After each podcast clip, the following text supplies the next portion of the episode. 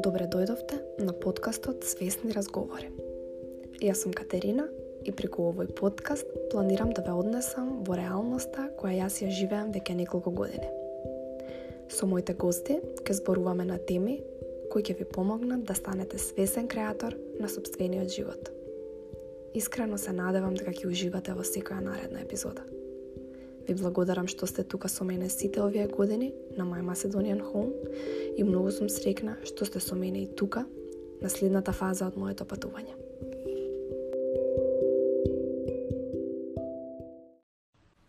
Добро вечер на сите. Се надевам дека сте добри вечерва.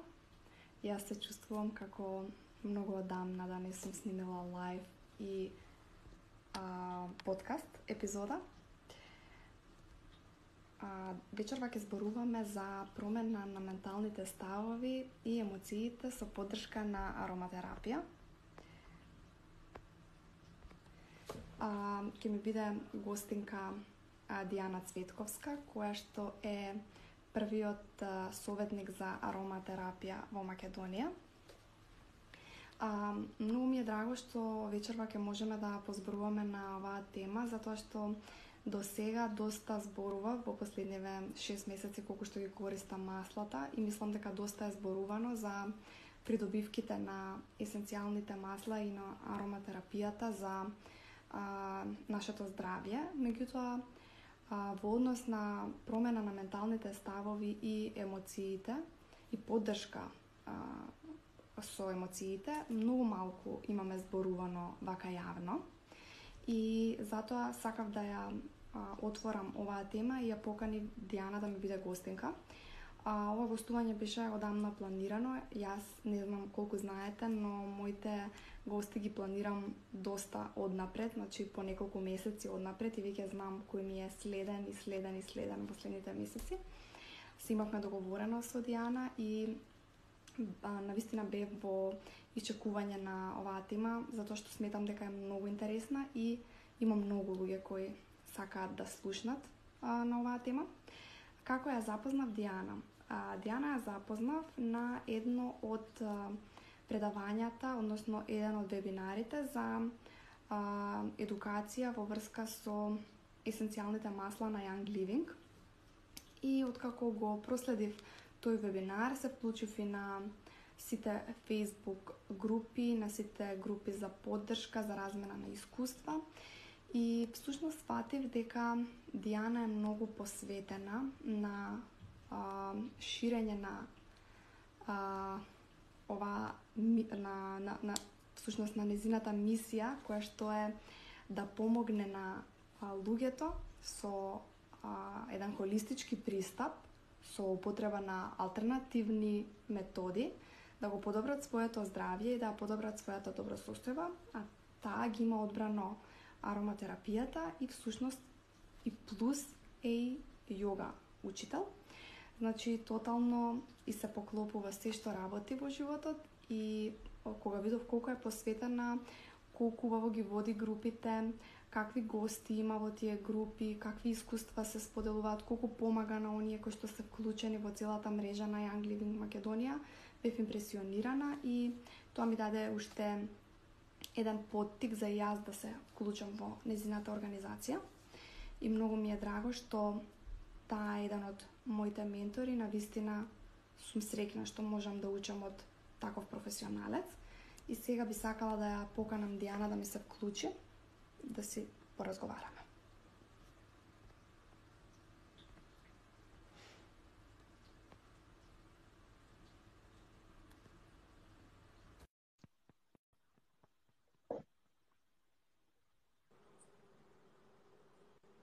Здраво, Диана. Се слушаме? дали се слушаш. Добро вечер на сите. Здраво на тебе. Ти благодарам за поканата. Uh, сакам да кажам дека и мене ми е на вистина многу драго што имам таков член во организацијата како тебе. Uh, ти многу брзо се вклучи во таа цела наша приказна на ширење на на придобивките, бенефитите од есенцијалните масла на Young Living. А, во Македонија, меѓутоа и надвор од Македонија, така да она одлично и баш се радувам што а, ме покани на овој разговор вечер да можеме на што повеќе луѓе да им представиме што всушност може да се направи со помош на есенцијалните масла, бидејќи како што кажувам јас секогаш на овие мои презентации и предавања многу малку знаат за што се можеме да ги употребуваме есенцијалните масла. А, многу луѓе ги употребуваат како мирисли, сметаат дека тоа се само некои мириси кои што ги ставаме во дифузер или не знам ги нанесуваме на кожа, меѓутоа на вистина е многу многу многу поголемо значењето од есенцијалните масла и и нивните придобивки за за нашите здравје.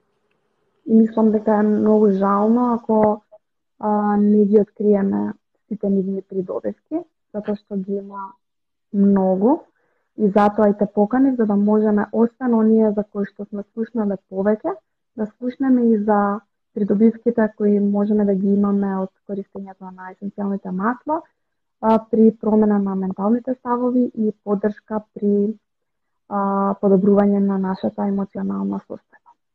Па најпрво, како и сите а, гости ке мене на лайв, би сакала а, да ми се представиш со твои зборови, да ми кажеш како дојде до тука, како дојде до а, есенцијалните масла, така на кратко за твојот животен пат. Мојот животен пат е многу интересен. Uh, има некоја фонија се јавува и кај тебе исто или само од кај мене? Дали се слушам убаво? Кај мене се слушаш. Добро. Значи, мојот животен пат е многу интересен. Јас секогаш почнувам и на презентациите како почнав да се занимавам со сите ова што го работам денеска. Пред повеќе од 20 години работев сосема друга работа и кога се вработив, бидејќи бев постојано под стрес, меѓутоа тогаш не го знаев тоа дека нели стресот може да предизвика тоа што ми го предизвика на мене. А, после неколку месеци после тоа вработување почнав да добивам некои болки во желудник, а, тахикарди, висок притисок, оде во болница завршува, па инекции некои ми става и така и тоа се случуваше три пати. А, ке се вратам дома, не знам што ми е, па да не ми се повтори повторно. И третиот пат одам на доктор и докторот ми вика дета, јас стварно бев дета тогаш значи имам 24 години ми вика дете ова ти од стрес.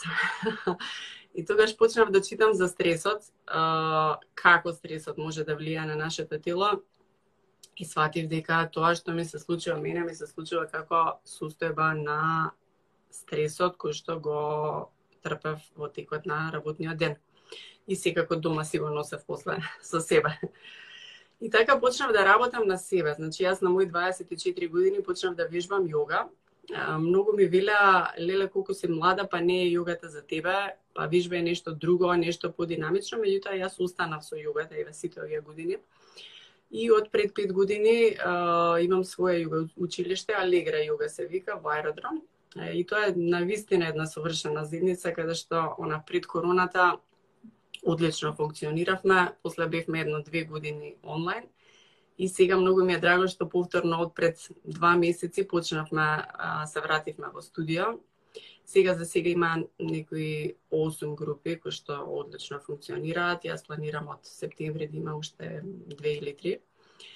И а, а, можам да морам да признам дека скоро се различно нели вежбањето во студио и вежбањето онлайн. Различна е енергијата, комуникацијата, а, дружењето кое што на сите ни фалеше некако во овој период. И така да на тој пат преку јогата, нели, запознав како функционира човековото тело, што се чакри, што се меридијани, а, како во човековото тело има енергетски канали или така наречени нади, кои што ги има 72.000, низ кои што а, всушност тече енергијата.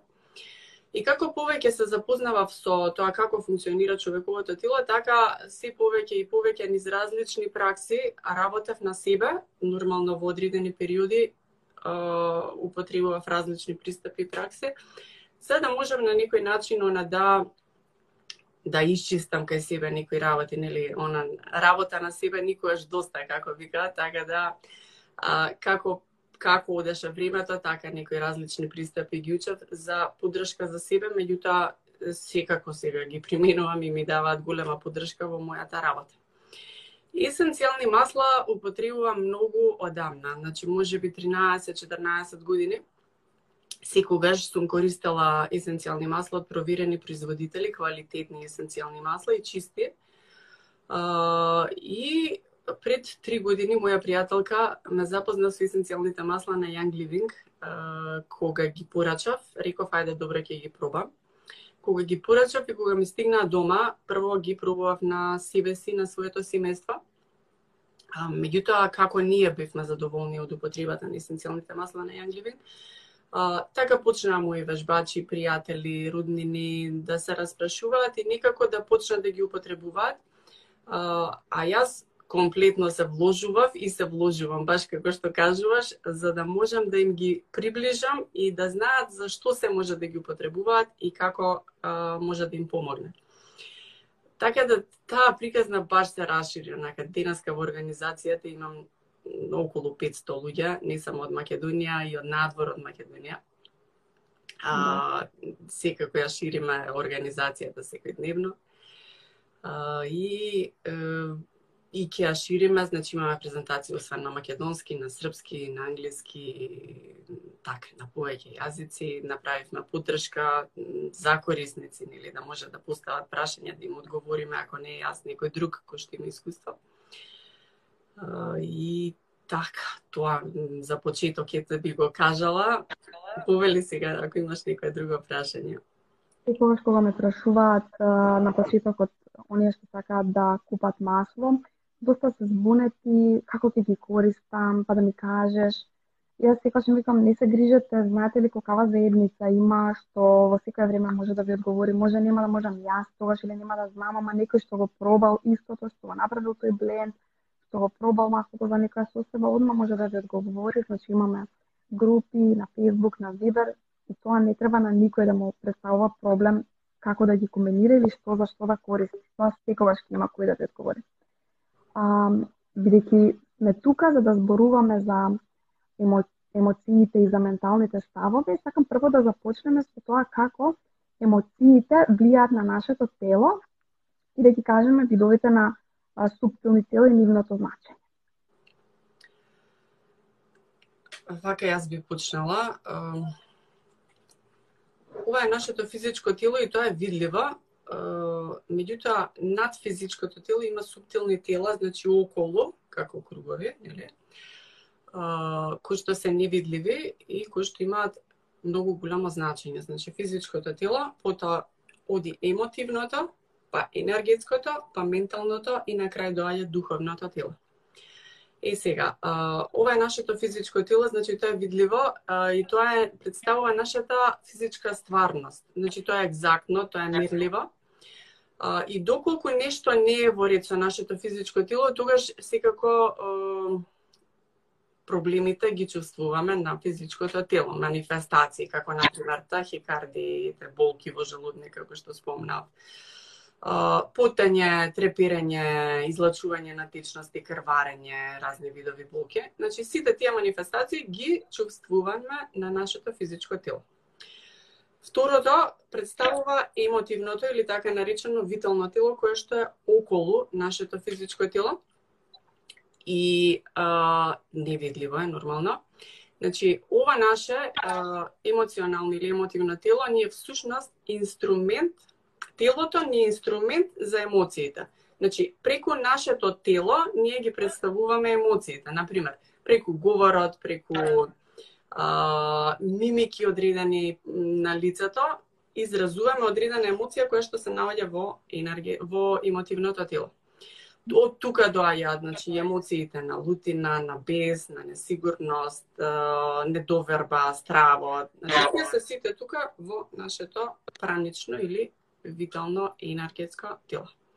Следното над него, значи нагоре е енергетското тело, кое што всушност го одредува а, нашиот начин на однесување. Значи, од тука ние, од енергетското тело, превзимаме одредени акции Односно, емоциите кои што се наоѓаат во нашето емотивно тело не тираат да ги превзимаме тие акции во енергетското тело. Значи, тука во енергетското тело се создаваат меѓусебни односи. А, на некој начин а, се формира нашиот енергетски свет. Значи, ако когнитивно бихеворалната терапија вели дека а, а, можеш да го промениш, значи, а, кога ќе го промениш сознанието, тогаш ќе се промени емоцијата. Меѓутоа, дали когнитивно-бихеворалната терапија може да направи промена во енергетското тело, како што можат некои други пристапи и пракси.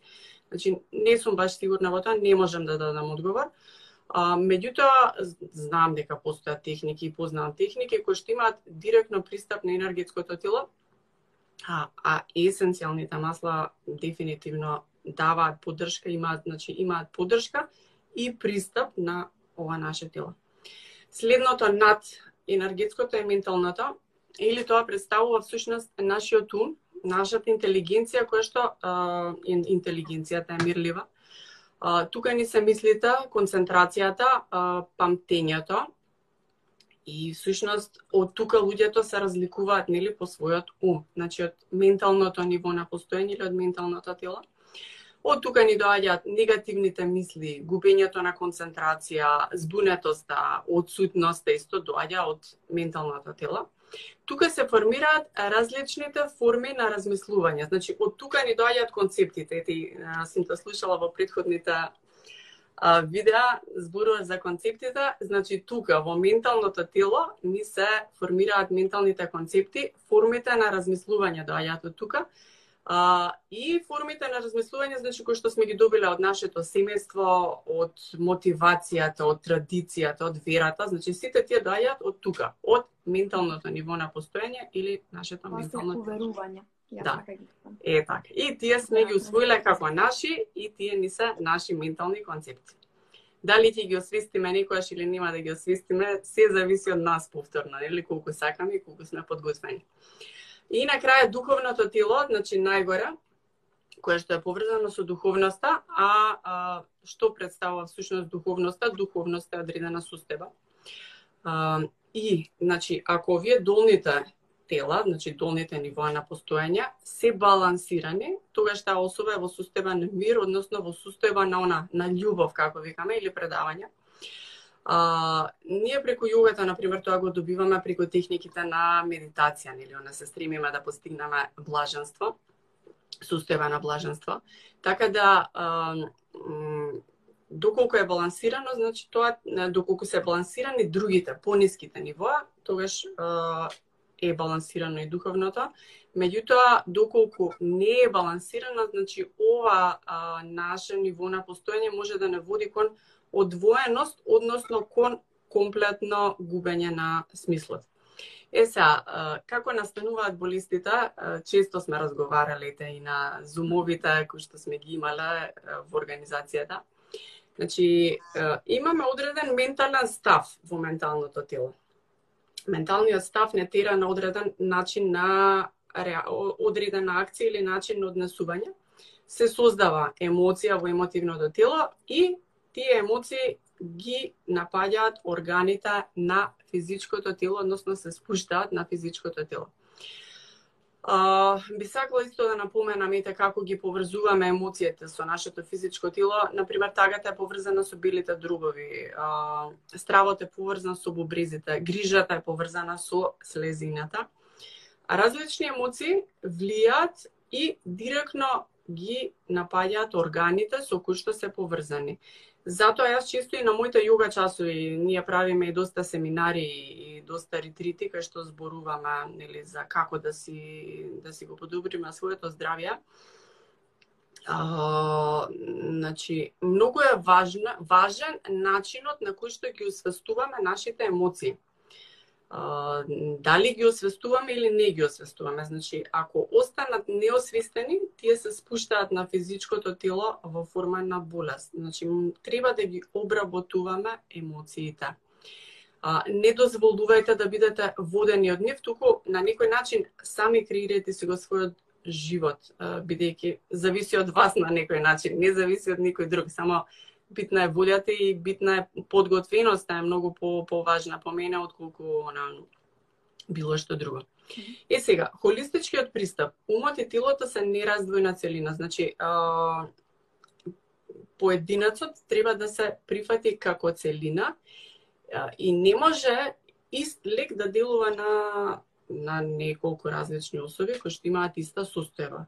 Значи, а, треба нели, да се изанализира малце таа состојба од каде е дојдена, како резултат на што е дојдена, за да може да се а, ординира, односно да се припише нешто кое што е соодветно и кое што ќе биде од бенефит за таа особа.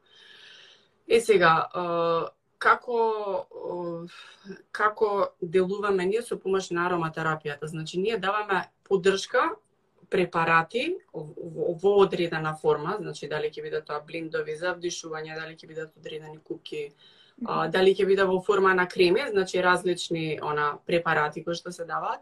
Значи му даваме поддршка на физичкото тело, значи одиме се обратно, ако болестите настануваат од горе надолу, во ароматерапијата одиме обратно, значи го третираме физичкото тело, за да ги промениме емоциите, зна, од прилика а, со сите клиенти кои што дајат нели на на разговор, а, правиме во зависност секако од состојбата, меѓутоа генерално правиме сред, на средби или состаноци или разговори на три недели. Значи, како после три недели одредени емоции ќе паднат од интензитет 10 на 5 тројка не е битно, некои ќе исчезнат скроз. Значи, а, како се менуваат емоциите, така се менуваат и менталните ставови кои што ги направила тие емоции. Значи, како ќе се променат емоциите, како ќе исчезнат, како ќе се променат менталните ставови, Значи, ние, а, физичкото тело почнува да се балансира и почнува да заздравува. А, секогаш при тој ароматерапевски разговор, значи, зимаме три состојби кои што се третираат. Прво е основна состојба која што а, највеќе го спречува клиентот за да го живее оној живот кој што сака да го живее. Значи, она е основната состојба кој што ни прави проблем и не спречува да постигнеме квалитетен живот.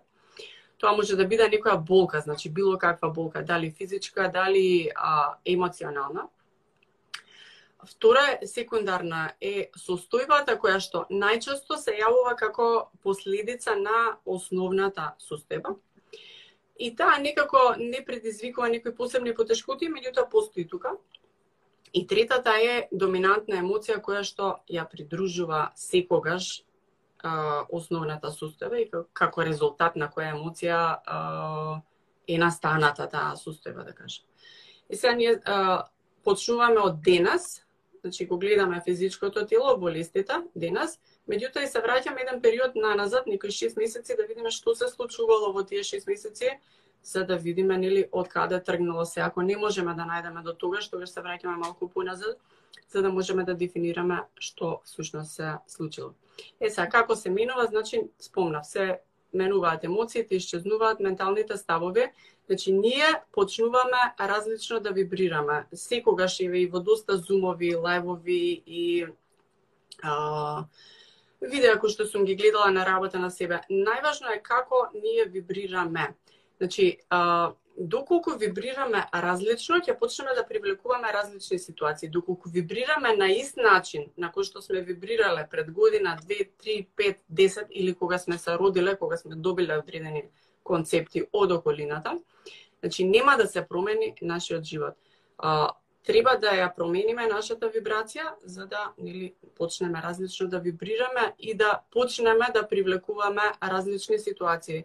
Значи еве сега делот а, луѓето кои што не слушаат можат ете да да си го преиспитаат својот живот и да видат дали ситуациите кои што ги живееме денеска може би ситуацијата која што ја живееме, животот, може би личи на некој живот кој што сме го живееле пред неколку години, па и предходно. Значи, а, дали тие ситуации ни се пресликуваат?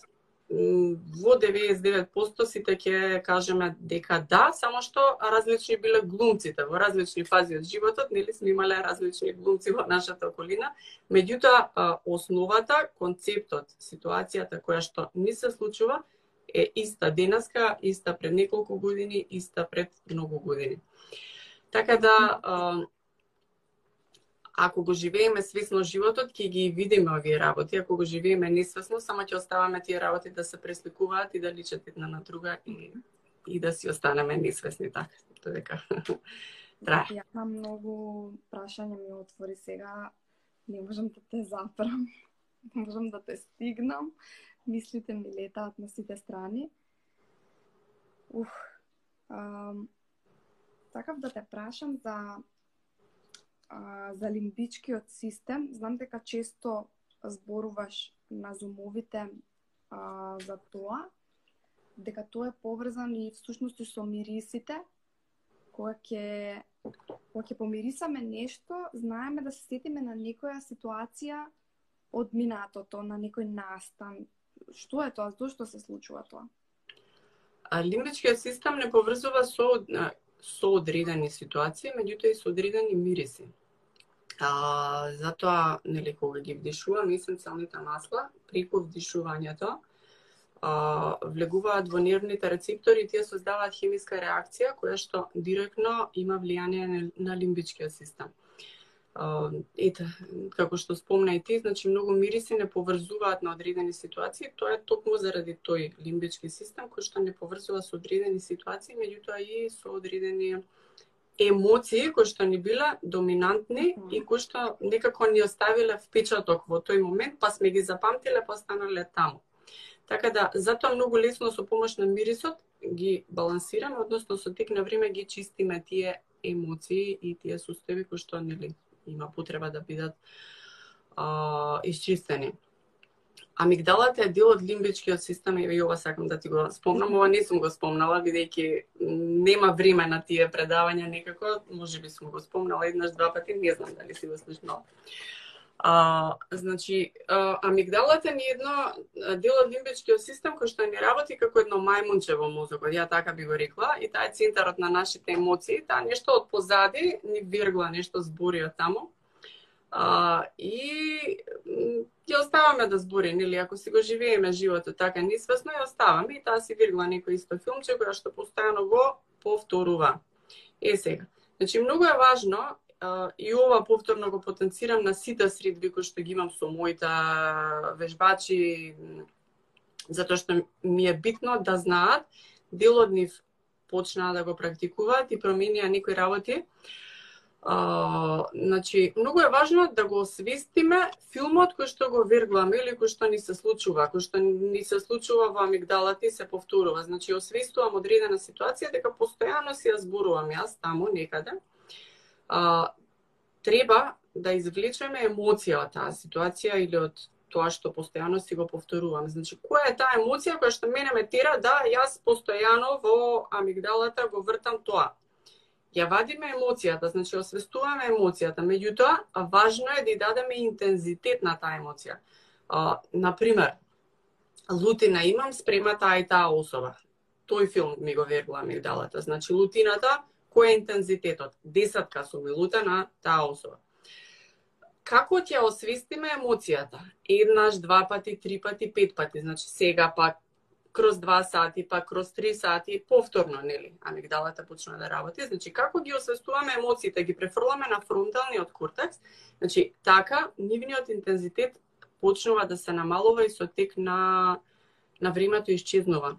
Така да пробајте си, многу е важно, на вистина е многу важно да си да си го освестите филмот кој што си несвесно си го си го зборуваме, нели, самите да извадиме емоцијата и да дозволиме таа емоција да постепено ја префрламе, ја освестуваме, тука е, тука е, тука е, и одеднаш ќе падне и ќе јас нема. Сушност, тоа е а, на, нашиот натрешен диалог сами со себе што го имаме. Да, да.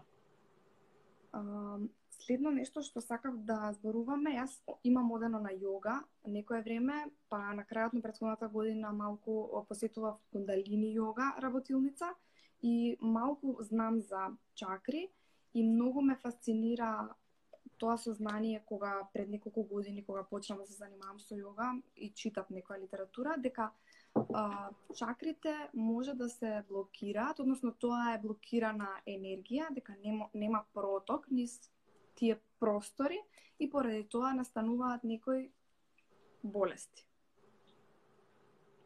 Може малку за тоа, иако не е поврзано со менталните стави? Може, може.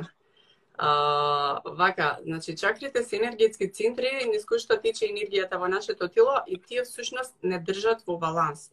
Ги има седум, се наоѓаат низ рбетот, по должината на рбетот.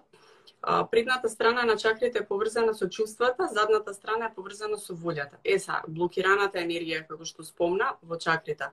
Значи, прави манифестации кои што често пати водат кон болест и затоа е многу важно да знаеме она која е функцијата на чакрите, да ја разбираме нивната важност, за да можеме да ги промениме тие енергии и да на некој начин воспоставиме баланс во нашиот живот.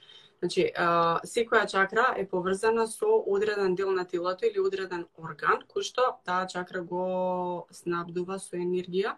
Исто така се поврзани со жлиздите со внатрешно лачење. Са првиот енергетски центар или првата чакра е куранската таа ни ги одредува тенденциите во материјалниот свет.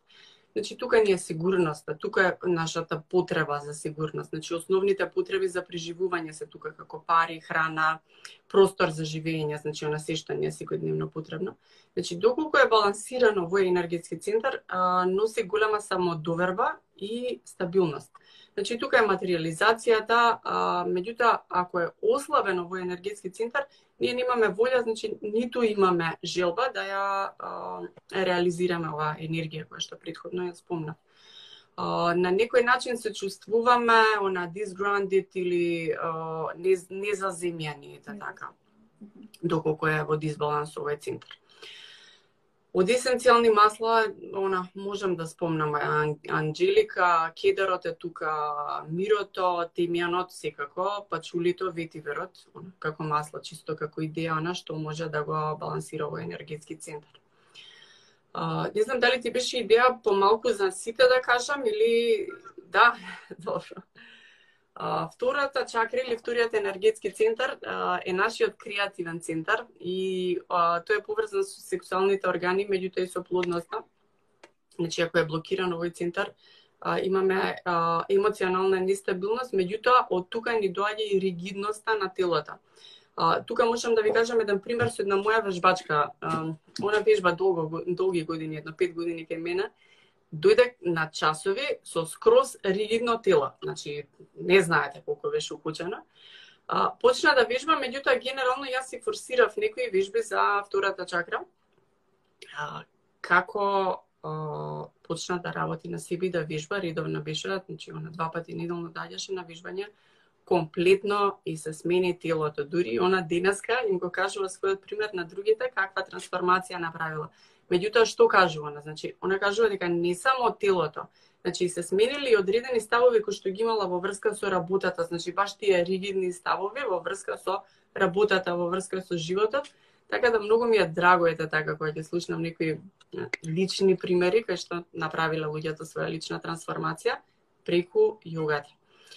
А, кога е балансирано овој центар носи одмереност, сакаш да прашаш нешто? Сакав да кажам дека овде знам малку затоа што овде се нанесува абанданс, така? Да, да. Така. А, абандансот и тука, меѓутоа може и на срцевата чакра да се нанесува и, та, и, и таму и таму, да, во зависност од тоа нели што сакаме да постигнеме а, кога е балансиран овој центар ни носи а, задоволство, одмереност, а, грациозно движење, значи грациозното движење ни доаѓа тука, а креативноста дефинитивно ни доаѓа од овој центар. Тука се нашите а, односи и емоции, значи и кога ќе се јават одредени емоции кои што ги нарушуваат тие односи, тогаш настанува дисбаланс на овој центар. И можеме да го балансираме. Бергамотот мене ми ја она, масло кое што многу, многу, многу често го потребувам. Неролито, жалфијата, портокалот, ружа, иланг, иланг исто може да се употребува, сандалот. За да, нели, ги избалансираат овие предходно наведени а, состојби. Uh, третиот центар или третата чакра, соларниот плексус, uh, е место каде што се наоѓа нашата uh, животна енергија. Значи, од тука доаѓа позади папокот се наоѓа снагата на личноста доаѓа од овој центар. Контролата доаѓа од тука, моќта, А, и чувството на живост и продуктивност доаѓа од а, соларниот плексус. Кога е балансирано, она не носи баш чиста енергија, активност, трпеливост. Сега баш во овој момент кај мене вижбаме некој она серијал кој што ја балансира работата на соларниот плексус. Okay. Ако е нарушена состојбата, личноста е препуштена и зависи од другите. Значи, на некој начин го губи идентитетот го, и, и не му е важно или не е важно кој сум јас, туку едноставно она чувство кога не се чувствуваме важни, значи тоа доаѓа од дисбаланс во делот на соларниот плексус.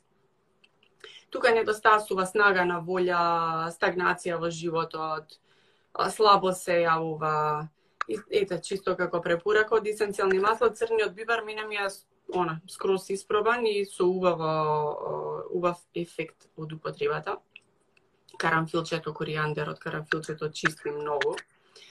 А, джумбирот, а, грейпот, лимонската трева, нането, а, рузмаринот е тука исто така.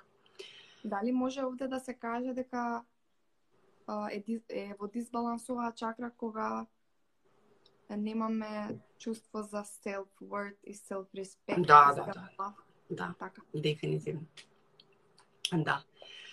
Uh, четвртиот центар или анахат или анахата чакра, uh, од тука даваме и примаме љубов, uh, тука ни е емпатијата, таа потикнува разбирање спрема другите, сочувство на некој начин спрема другите, Меѓутоа, анахата ни помага да градиме добри односи со другите. Затоа ни е многу важна она а, состојбата или балансот во анахата чакрата. Таа извор на љубов, а, действување. Значи, а, да действуваме од тука, значи да покажуваме љубов. А, доколку е блокирана, сигурно се станува посесивен, љубоморан, од тука доаѓа исто тоа од блокадата на анахат центарот. Uh, или она никогаш нема возвратена љубов. И тоа сум го слушала. Uh, и тоа доаѓа од тука. Значи проверете си ја анахата чакрата преземете нешто за балансирање на на состојбата таму. Значи јас имав една промоција пред неколку не пред две недели од прилика така. Uh, би го издвоила Joy есенцијалното масло на Young Living. А, значи Joy е покрај тоа што убава мириса, значи Джој представува љубов во шиша. Јас неколку мои она од околината го парачаа веднаш кога го помириса, тогаш кога беше на промоција.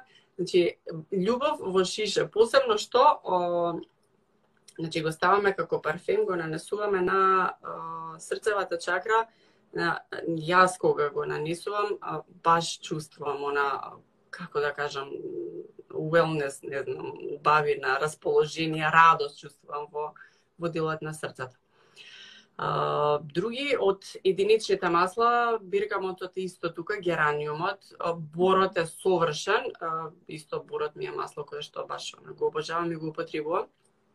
лимонат лавандата, а, маточината, неролите исто да, портокалот, ружата, сандалот исто да, може да ја балансира оваа чакра. А, вербалното изразување доаѓа од петата чакра или вишуди, вишудхи чакрата. Mm -hmm. Тоа е петиот енергетски центар.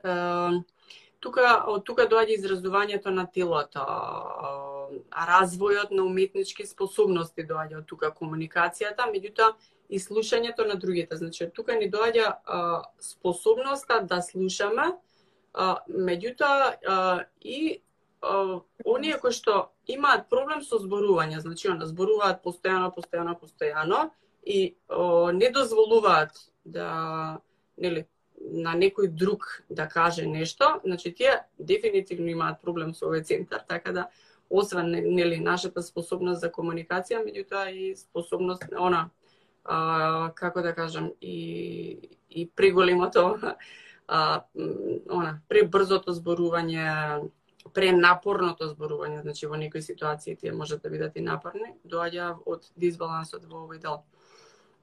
А... Дефинитивно и тоа е а, начин на комуникација, значи ако не знаеме за баланс и во тој дел, да. тоа е тоа. Тоа значи, е тоа. не само да кажеме, туку и да изслушаме. Така. Јас имам најчесто тука приметено примери, а, кај луѓе што имаат проблеми со тироидната жлезда без разлика дали се од кој вид, а, имаат проблем дали да се искажат или да бидат слушнати или не се слушнати во животот. Да. Значи го имам ова приметено како пример константно го го приметувам и баш има една девојка која што е на нашата програма а, со Кристина на најдобрата верзија од себе и имаше прашање баш за тоа. И јас тука сватив дека кај неа е блокирана таа чакра, всушност и има проблем да се изрази, на вистина има она има проблем со самодоверба, има проблем да го каже своето мислење, има трема во многу најобични секојдневни ситуации, така што таа треба да работи дефинитивно на а, балансирање на оваа чакра. А, тука се работите кои што ги голтаме, ова што го кажа са ти на друг начин, јас ти го кажам. Значи, се што сме проголтале, тука ни останало и останала грудка која што ни прави блокада и проблем тука.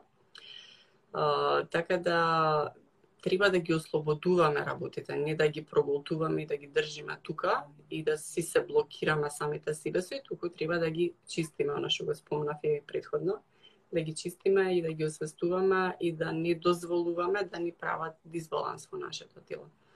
Иначе од есенцијални масла, босилекот ми е хит. На, пред некое време беше промоција на Young Living.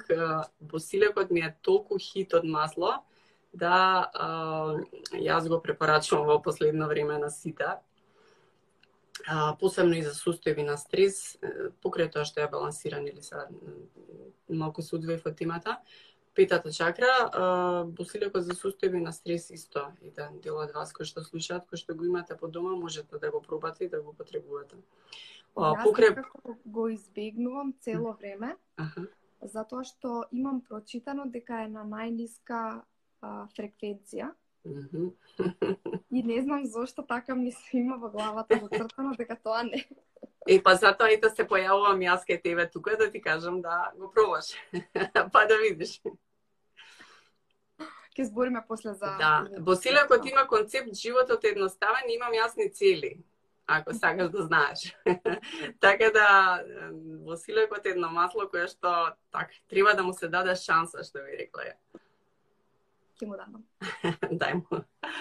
А, германската камилица е тука во питата чакра, нането е тука, борот исто така во питата чакра, нели, доколку сакаме да направиме баланс.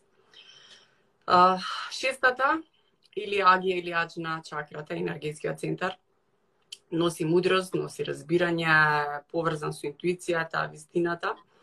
А, и од него зависи функционирањето на овие подолните чакри. Значи, кога овој центар е балансиран, а, ја подурува интуицијата, памтењето секако.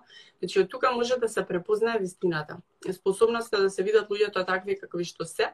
Меѓутоа, а, носи разбирање а, да видиме зошто всушност ние сме такви какви што сме.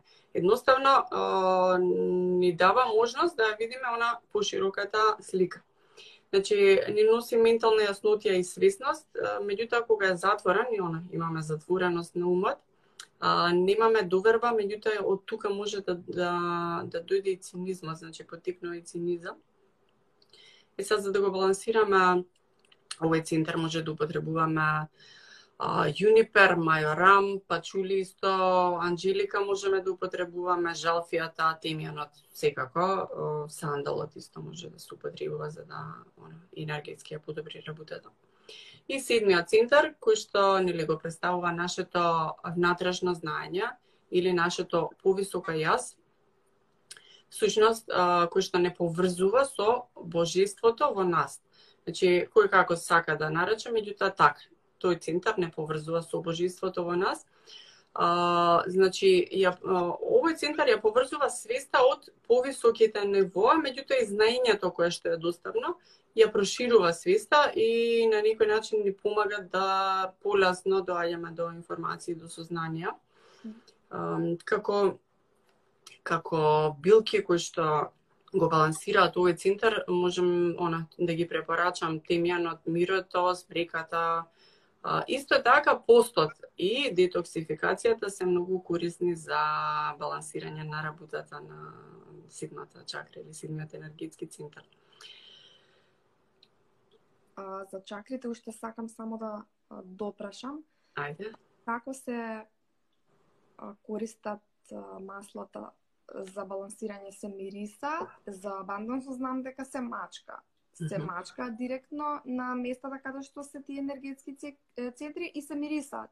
Так, така, така, така, да, да, да, да. Значи, доколку... Значи, може да се мачкаат на дел од дрбетот, нели, каде што се наоѓа таа чакра, или на предната страна од тилото. И секако вдишувањето, за да може, нели, преку лимбичкиот систем на, на мозокот да исчисти оно што приходно веќе го спомнав. Но секако со консултација, бидејќи сакаме предпазливо користење на так. есенцијалните масла. Да.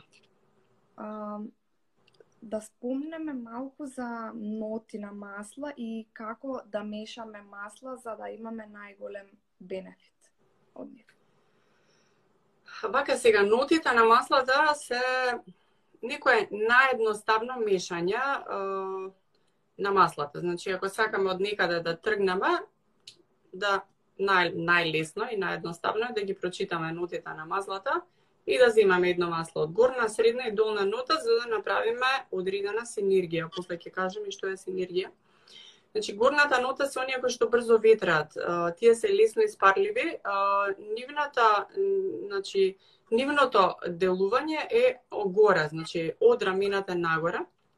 бели дробови врат глава, и тука се масла како на пример мандарина, портокал, бергамот, грейпфрутот е тука, лимона, цитронелата исто тука, маточината и еукалиптусите се во во горната нота на масла.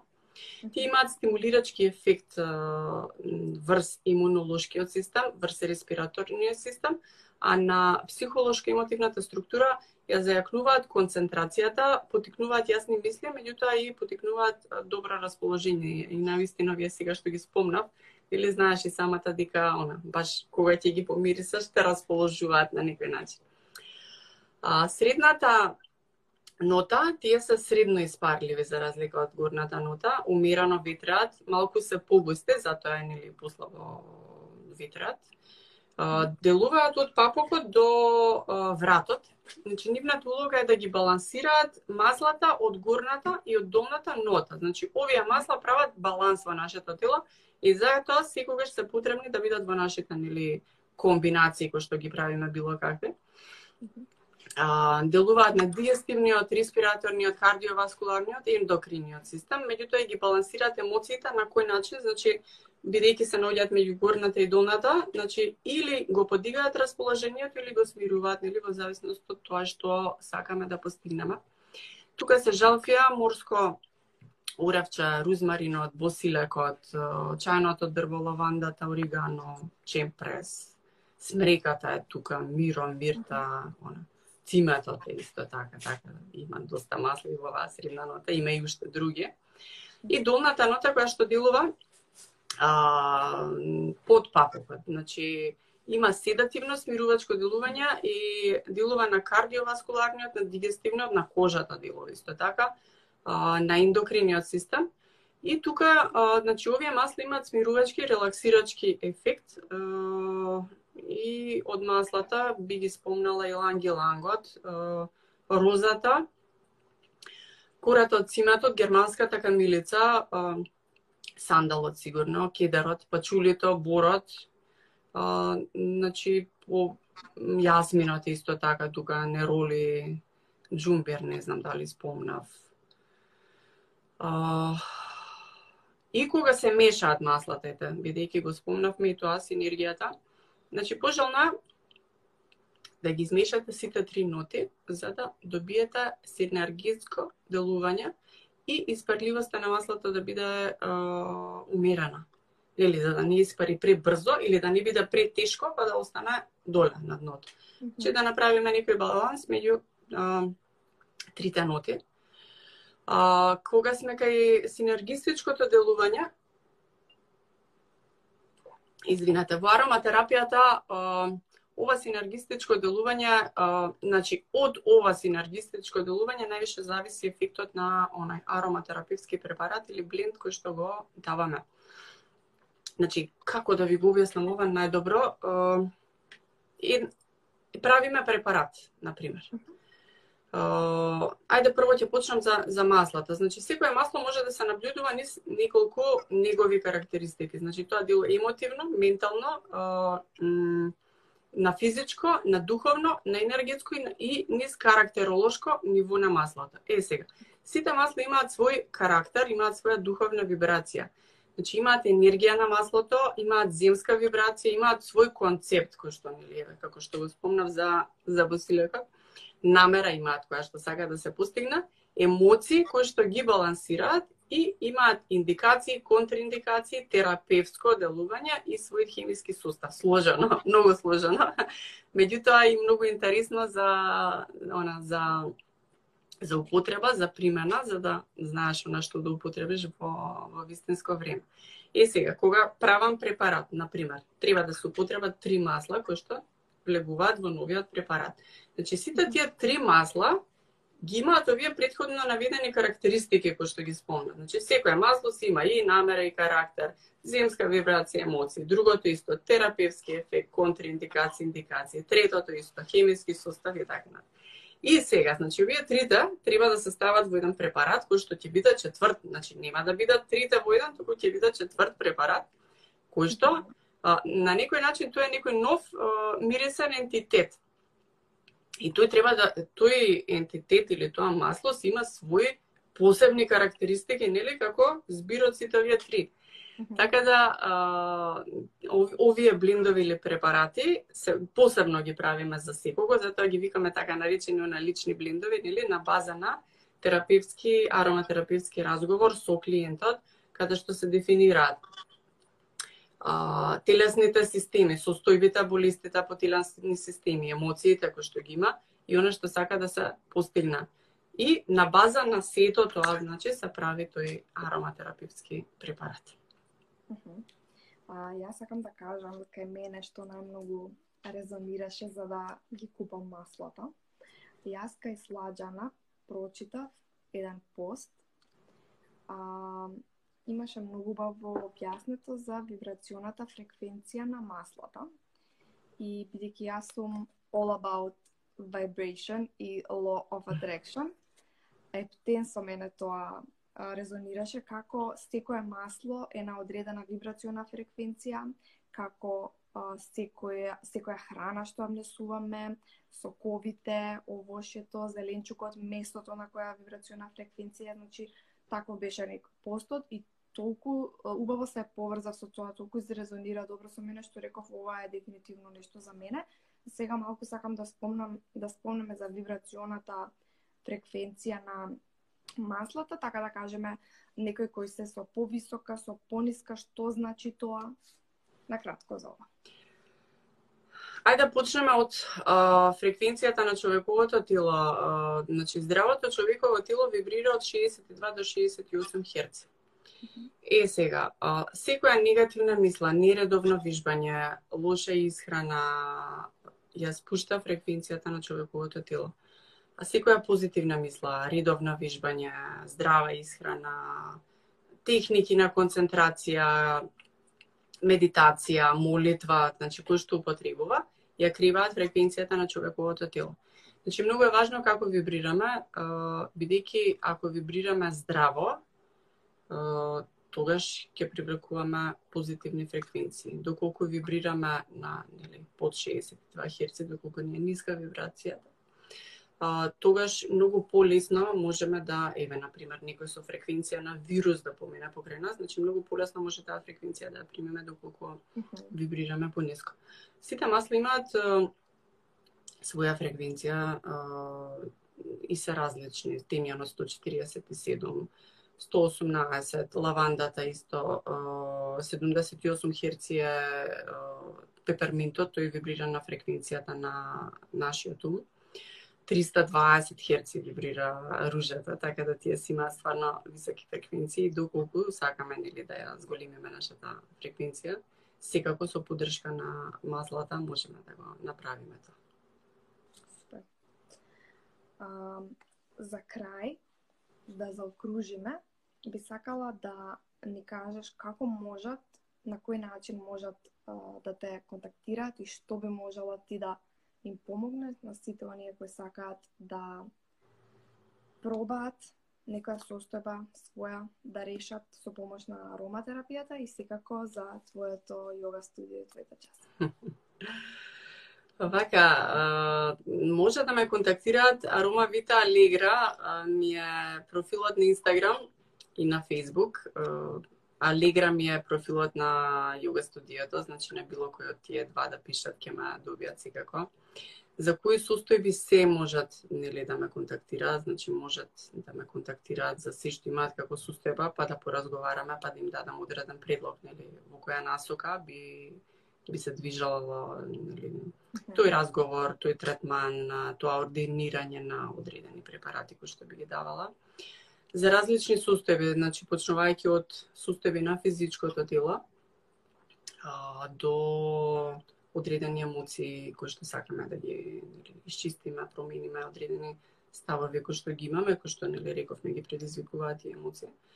Така може да ме контактираат за било што што имаат како сустева, Јас сум секогаш на спремна да да помогнам, да дадам поддршка и да се видиме, да поразговараме, да препорачам нешто.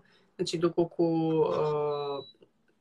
доколку сакаат и едно масло, две масла, нели и од е, препаратите на Young Living исто така можеме да поразговараме и за нив поединечно.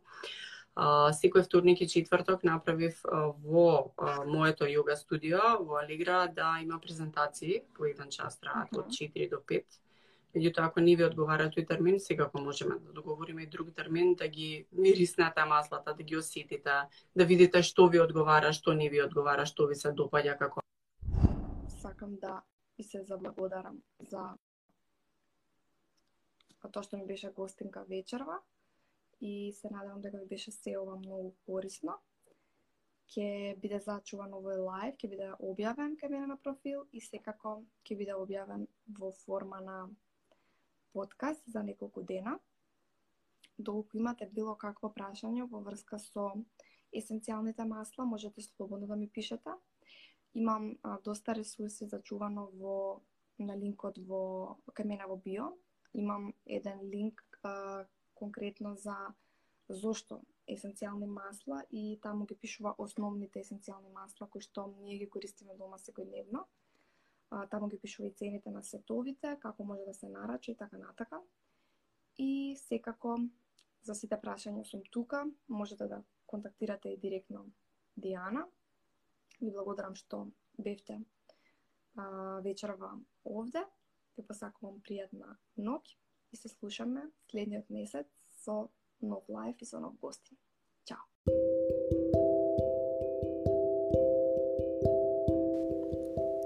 Ви благодарам што го слушавте подкастот Свесни разговори. За повеќе бесплатни ресурси, посетете мојата веб страна mymacedonianhome.mk. Подкастот е всушност превземен од мојот Instagram Live и освен што можете овде да го слушате, можете и да го гледате на мојот Instagram профил.